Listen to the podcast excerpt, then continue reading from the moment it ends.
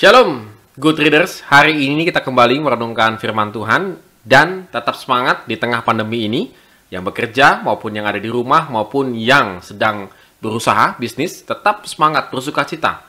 Karena dengan sukacita imun kita menjadi naik dan renungan hari ini yang akan kita renungkan diambil dari satu raja-raja pasal yang ke-22 ayat 1 sampai dengan yang ke-40. Banyak ayatnya tapi tetap semangat untuk membacanya. Ya, good readers, kita bisa melihat di sini bahwa eh, Ahab itu dan Yosafat akan berperang begitu ya, melawan eh, daerah yang dinamakan sebentar dinamakan Gilead, Ramot Gilead ya. Mereka akan berperang karena mereka menganggap ini adalah klaimnya, ini adalah bagian daripada Israel, baik utara maupun selatan. Jadi Ramot Gilead. Oleh karena itu mereka harus berperang. Dan Yosafat sangat baik mengusulkan kepada Ahab Mari kita bertanya dulu kepada firman Tuhan di ayat yang kelima. Tetapi masalahnya adalah uh, Ahab, eh, Raja Ahab ini memanggil 400 orang nabi. Nah, bingung kan? Untuk berbicara apakah kita bisa maju berperang. Dia bertanya kepada salah satunya adalah Mika, apakah kami boleh pergi berperang melawan Ramot Gilead atau kami membatalkannya? Mika mengatakan, majulah dan engkau akan beruntung begitu ya. Tetapi Ahab itu bingung dan tidak terlalu percaya, bahkan si Mika disuruh bersumpah untuk meyakinkan pernyataannya bahwa itu adalah dari Tuhan. Saking marahnya akhirnya Mika pun ditawan begitu ya, di penjara, dimasukkan sampai uh, nanti akan dilepaskan kalau saya sudah selesai berperang. Akhirnya Yosafat dan Ahab maju berperang. Nah, nama juga Ahab ya.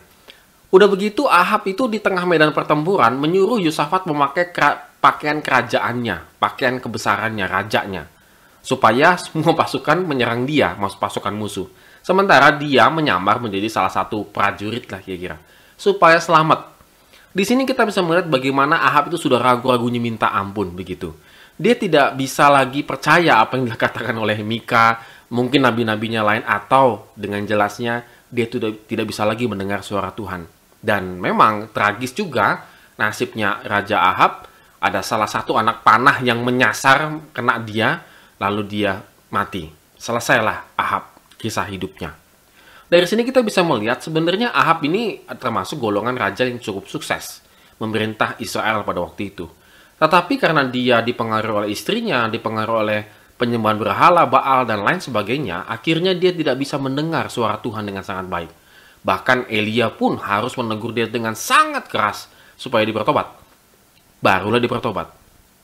Artinya, Ahab tidak bisa lagi mendengar suara Tuhan. Ketika dia ingin mendengar suara Tuhan, suara itu tidak bisa lagi didengar. Nah, good readers, pada hari ini juga kita boleh merenungkan ya, bahwa kadang-kadang kita sering kali mengabaikan suara Tuhan dalam kehidupan kita. Artinya sih suara Tuhan bukan berarti suara Tuhan yang ngomong begitu ya, tidak. Tetapi banyak sekali kita melakukan pertimbangan-pertimbangan, banyak sekali kita mendengar nasihat-nasihat yang tidak lagi didasarkan oleh firman Tuhan. Sehingga kita, ketika kita melakukan kesalahan, maka kita menyesal. Atau karena saking kita mengabaikannya firman Tuhan dalam hidup kita, ketika kita ingin mendengar firman Tuhan, kita tidak tahu lagi mana yang benar, mana yang salah, mana yang segala macam begitu ya. Mana yang berhikmat, mana yang tidak berhikmat. Di sini kita perlu datang kepada Tuhan dengan segala kerendahan hati kita. Bahwa kita harus akui hidup kita harus bergantung kepada Tuhan.